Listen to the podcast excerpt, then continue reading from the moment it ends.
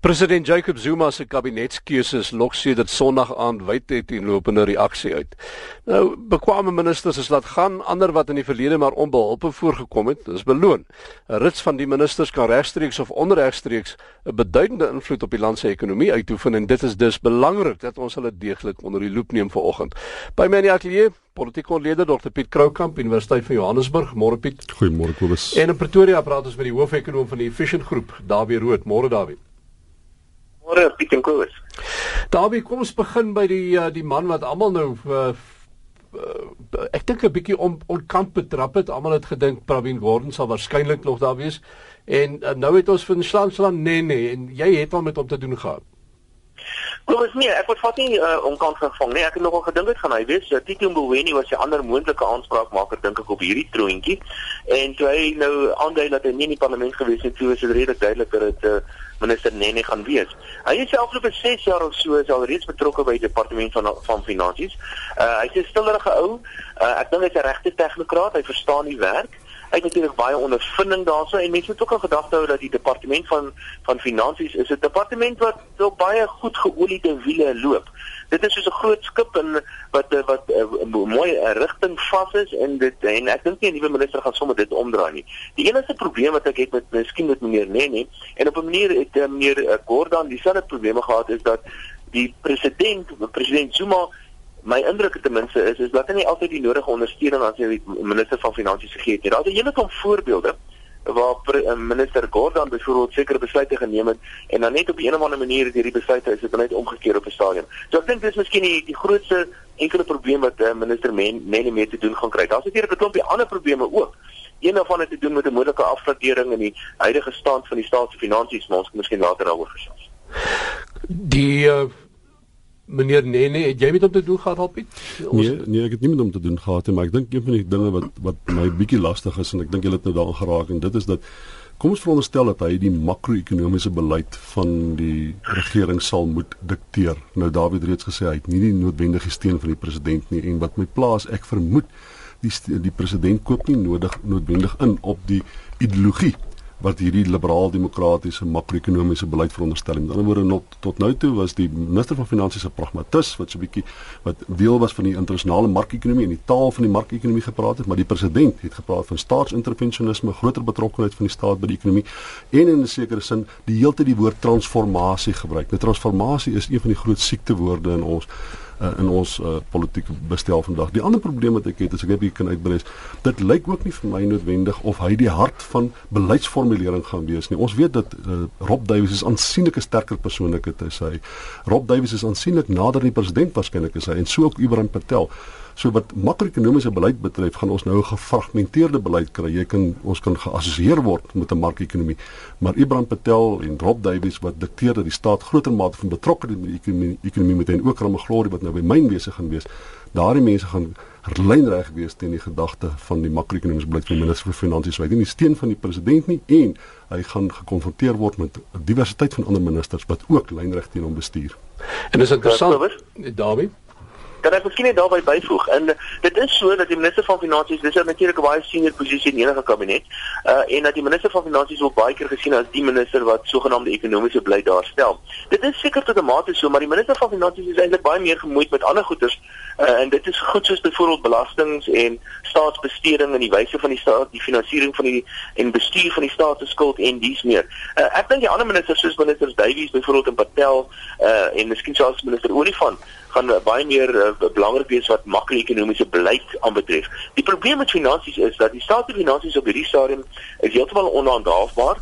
Uh, die staat se se uitgawes se uitgawes is hopeloos hoog. Die staatsdiens is hopeloos te wat die Engelse woord is bloated en ons sal seker 'n plan maak om die, die staatsamptenare veral wat hulle salarisse aanbetref so bietjie te so bietjie haarsny te gee. En ek bevrees daai tipe van goed gaan nie gebeur nie en ek dink ook kanse is baie goed dat ons 'n kredietafgradering gaan kry gedurende die volgende klompie maande en dit gaan natuurlik vir minister Nene in 'n baie moeilike posisie plaas. En ons sit nou met hierdie dinge. Ek het nou so vinnig deur die lys van nuwe ministers gegaan en net gekyk na hoeveel van hulle kan 'n mens sê is mense wat um, 'n regstreekse of minder regstreekse invloed, maar tog 'n belangrike invloed op die ekonomie van hierdie land kan hê. En as minstens 18 van hulle en, en as ek nou mooi gaan kyk, dan gaan ek nog meer kry. So 'n klomp van hierdie mense en soos Piet voor hierdie gesprek nog vir my gesê het wat vir hom pla ook is dat 'n groot klomp van hierdie ouens sit nou in posisies waarin hulle nog nooit van tevore gesit het nie en waarvan hulle geen ervaring het nie. Ja, ek ek ek dink dit is deel van ons ons probleem. Ons sit met te 'n groot kabinet. Ons sit met te 'n groot regering. Daar's eenvoudig te veel mense wat se portefeuilles aan mekaar raak en selfs oor mekaar op 'n of ander manier val. En dit het juist te doen met die uh, Jacob Zuma se se se se infatuasie om geweldig baie ministers aan te stel of om klomp bureaukrate te hê. Die ANC se groot so so so so behoefte om 'n moe so groot staat aan te stel. Ek dink dit is deel van die probleem. Indien ons die die ministeries kon minder gemaak het, kleiner gemaak het, sou jy baie minder van hierdie uh problematiek gekry waar die een minister eintlik besluite geneem met geweldige konsekwensies vir ander minister ook. Hmm. David Ja, ek sien nog wel saam. Ek het so vinnig 'n sommetjie gemaak en gekyk watter van die waar die oorvelings is en dit is moontlik om met minder as 10 ministers oor die weg te kom. Maar een 'n nuwe minister wat my so bietjie bekommer en ek se graag wil sien wat daar gaan gebeur is minister Zulu en dit is dat hmm. minister Zulu se verantwoordelik vir klein sake. En uh, nou dit, dit is half ironies. Ek het so vermoed dat hierdie en sy het geen ondervinding oor klein sake nie net so te loops. Uh, ek het so vermoed dat hierdie nuwe ministerie gaan beteken dat dat klein sake nou geleentheid gaan kry om om finansiering te kry. Dit is iets wat sy al reeds gesê het en ek dink uh, dit is miskien waar die klem gaan lê, maar wat my meer pla is dat een van die grootste probleme in Suid-Afrika is dat daar eenvoudig te veel uh, uh, daar's te veel goed in die plek of uh, in die pad van van besigheid in Suid-Afrika. Dit is baie moeilik om besigheid te doen. Ons moet ontslaa raak van 'n klomp dinge wat die staat uh, in die weg plaas van besigheid in Suid-Afrika en steeds daarvan om meer dinge te probeer doen. En ek dink hierdie klein sake ministerie is een goeie voorbeeld daarvan. Ek is bevrees dit in steede daarvan om die klein sake te help, gaan dit waarskynlik nog verder hindernisse in die pad van besigheid in Suid-Afrika plaas. Nou jy het nou jou kommer uitgespreek oor Lindiwe Zulu, uh, Lindiwe Zulu, maar nou is daar ook mense wat baie bekommerd is oor uh, Senzeni Zokwana wat nou ons nuwe minister van landbou, bosbou en visserye is. Ja, ek ek sien dit om ek sien ek sien dit om uitgespreek ten gunste van grondhervorming, maar dis nie eintlik eers sy portefeulje nie. Mens sien net hoe die mense deur mekaar praat oor mekaar se portefeuilles praat. Grondhervorming is glad nie sy portefeulje nie. Hy moet kommersiële landbou bestuur. Nou hy kom hy, hy kom met 'n kommunistiese agtergrond uit 'n vakbond agtergrond uit en hy's 'n miner en 'n shop steward. Dis toe die persoon wat kommersiële landbou se belang op die hart bedra waarvan hy waarskynlik geen enkele begrip het nie en heel belangrikste is sy ideologiese verlede is in kontras met die markgerigte gedagte van 'n kommersiële landbou ekonomiese komponent. So ek die, die goed pas net nie by mekaar nie. Mense is aangestel in posisies wat niks te doen het met hulle ervaring, hulle ekspertise en 'n vermoë om daardie departemente te bestuur nie. Nou ek sê nie dat hierdie minister uh, nie op 'n of ander manier kan aanpas en uh, uh, na 'n uh, baie proses van beraadslaging tot 'n konklusie kan kom dat dit 'n klomp bal is wat hy moet lig hou en dat hy die proses eintlik maar uh, op 'n manier bestuur uiteindelik tog redelik suksesvol. Ek sê nie ek kan dit nie doen nie, maar die feit bestaan is mense sou graag wou gesien het dat iemand wat ervaring het van kommersiële landbou, ervaring het van groot besigheid besighede bestuur en wat 'n belang daarbey het om dit uit te brei, dat so 'n persoon aangestel is dat ons weet dat daardie persoon het 'n geskiedenis van van van in, in so 'n bewese proses betrokke wees. En ons ons sit nie met so iemand nie, maar dis nie net by landbou nie, omdat elke ministerie, 80% van al die ministeries, is daar iemand met geen bewese ervaring in daardie ministerie nie. Die uh, jy het nou gepraat van uh, die minister van landbou wat homself nou op grondhervorming wil verlaat daarin. Kom ons kyk na daardie portefeulje ook landelike ontwikkeling, grondhervorming, Gugile en Quinty. Ja, hy het net twee hy het net twee uh, adjunkministers gekry. Ek, ek en, en, net omdat die staat die proses baie swak bestuur het en dit nou so verbirokratiseer geraak het dat dit daar's onmoontlik is om die proses te red omtrent.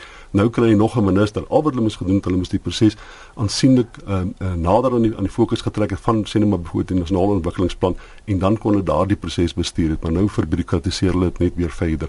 Die feit bestaan is in Quinty het tot nou toe nie baie suksesvol grondhervorming in Suid-Afrika nie. Hy het 5 jaar gevat om te leer wat daar aangaan en ek is nie oortuig dat ons 'n uh, uh, stap nader is aan om werklik suksesvol grondbesit te legitimeer in Suid-Afrika nie. Maar ek het nog 5 jaar gekry. Ek weet nie of hy die pad gaan verander nou nie. Daar's baie mense wat hulle kommer nou uitspreek um, oor die moontlikheid dat ons nou al hoe meer of al hoe nader beweeg aan 'n sogenaamde Zimbabwe opsie. Is dit iets wat nee, vir jou nee, opkom? Nee, nee, nee, dis nie naas. Ons is nie naby daar nie. Ons ons, ons hierdie is 'n proses wat ons kan beveg. Ons kan die howe gebruik. Dat dis 'n statutêre proses. Ons verskil van ideologie van die staat. Ons verskil van ideologie van die president en die minister. Maar ek dink nie dis so dat mense kan nie sê dat die regering met doelbewuste bose intensies probeer om landbou te ondermyn. Hulle bestuur dit eenvoudig swak. Daar ja. Ek koop as ek dink miskien is daar een of twee ligpuntjies ook daar, want dit is baie duidelik dat ons 'n baie ideologies gelaaide kabinet vandag het. Maar uh, die uh, vice-president Ramaphosa, ons nuwe president, hy is 'n besigheidsman en hopelik gaan hy se bietjie van 'n lig bring in daai donkerige kabinet. In die eerste plek en in die tweede plek, die effektiwiteit van die staat laat maar baie veel te wense oor. So alhoewel hierdie ministers dinge sê, is ek bevrees dat baie van die goed wat hulle sê net nie voordat nie gedoen geword het want hulle het nie die kapasiteit om dit te doen. Nou goed, uh, mense, kom ons kom ons as as 'n afsluitingspunt. Uh Dawie, jy's nou 'n uh, uh, vandag nou sê maar 'n finansiële of liewer 'n beleggingsadviseur. Kom ons maak jou beleggingsadviseur vir 'n oomblik. En Suid-Afrika is 'n is 'n aandeel wat ehm um, mense na kyk vir hulle moontlike portefeulje. Is dit 'n koop of is dit 'n verkoop of waar lê ons? Uh, ek koop is op die huidige stadium van die siklus gaan dit nie baie goed met die Suid-Afrikaanse ekonomie nie. So vandag sal ek miskien nou nie Suid-Afrika se aandeel koop nie, ek sal miskien liewer Amerika se aandeel koop, maar ek sal sekerlik Suid-Afrika as 'n belegging oorweeg, 'n deel van my portefeulje maak, maar dan gaan ek die tipe van beleggings wat ek in Suid-Afrika gaan doen, geliquide beleggings wees. Met ander woorde, ek sal baie vinnig in en uit kan kom want ek het nie te veel vertroue in die langtermyn toekoms uh, van die ekonomie in hierdie land en onder andere as gevolg van die beleid. Maar Suid-Afrika op hierdie punt is nog steeds 'n beleggingsopsie, maar veel eerder 'n uh, tipe van beleggingsopsie is vaste belegging.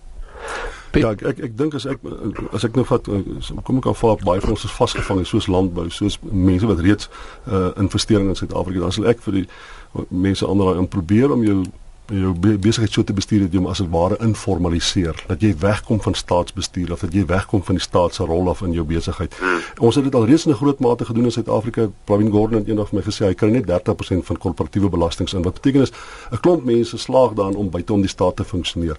En ek dink dis wat ek mense sal aanraai probeer om jouself weg te bestuur van die staat, want hulle sal die hele tyd probeer naderkom, maar ek dink daar's nog ruimte om jouself so te bestuur dat jy weg van die staat af funksioneer. Nou korporatiewe belasting is nogal een uh, aspek wat waar waarna ons een of ander tyd kan kyk. Ons gaan dit nie vanoggend doen nie, maar daar weer rood. Ehm um, is interessant wat Pravin Gordhan daar gesê het. Uh ek weet dis ook die uh, filosofie van baie mense dat uh, maatskappye saam eintlik betaal nie eintlik belasting nie. Hulle samel dit net in van die verbruiker af. So dis nog 'n ding waaroor ons met vrug kan praat een of ander tyd. Ek weet nie of meneer Davies en meneer Nene en uh, meneer Zuma daaraan gaan byt nie. Maar ons sal met hulle gaan of hoop om die boodskap na hulle ook deur te kry. Maar dit was uh, Dr Piet Kroukamp van die Universiteit Johannesburg en Dawie Rood van die Efficient Groep wat met ons gepraat het.